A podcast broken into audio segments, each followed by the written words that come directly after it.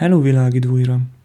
Ma reggel az első gondolat, ami eszembe jutott, az a függőség. Ugyan nem vagyok a téma szakértője, viszont van egy tapasztalatom, amit szívesen megosztok veled.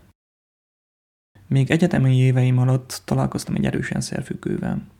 A felszínen a srác nagyon rendben levőnek tűnt, mindennapi kommunikáció is nagyon rendben volt, viszont közben minden előzmény nélkül eltűnt napokra. Elérni nem lehetett, fura volt mindenkinek, a tanárai se tudtak uh, semmit se róla. Viszont azok a szobrok, amiket elkészített, azok gyönyörűen megmunkáltak voltak.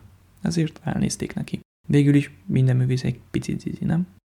Valamiért így van az, és ezt mindenki elfogadott tényként kezeli. Egy alkalom, amikor tovább maradtunk bent a műtermeinkben, direkt neki mentem a kérdéssel. Miért nem vagy itt soha? Erre először ő csak habogott, de végül nagy nehezen kibökte, hogy függő, és iszonyat nehezen tudja összekaparni magát bármihez is. Értsd meg, az a mennyiség, aki bárki mást kiüt, az engem csak szinten tart. Mai napig itt zúg a fülembe ez a kijelentés. A helyzet visszássága talán még nehezebb volt, mint maga a beszélgetés.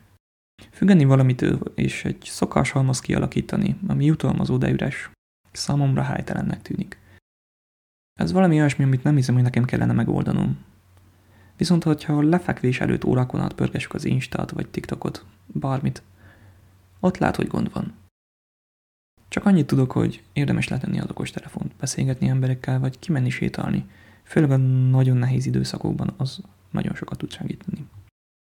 Befejezésképpen hagynék egy videót a leírásban, és jövő héten jelentkezem újra.